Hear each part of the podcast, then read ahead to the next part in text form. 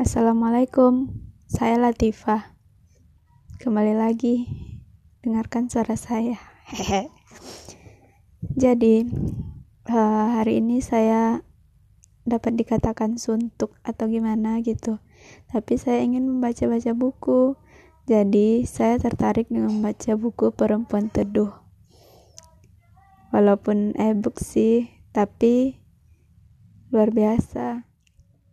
Dan tanpa sengaja, seseorang membuat snapgramnya.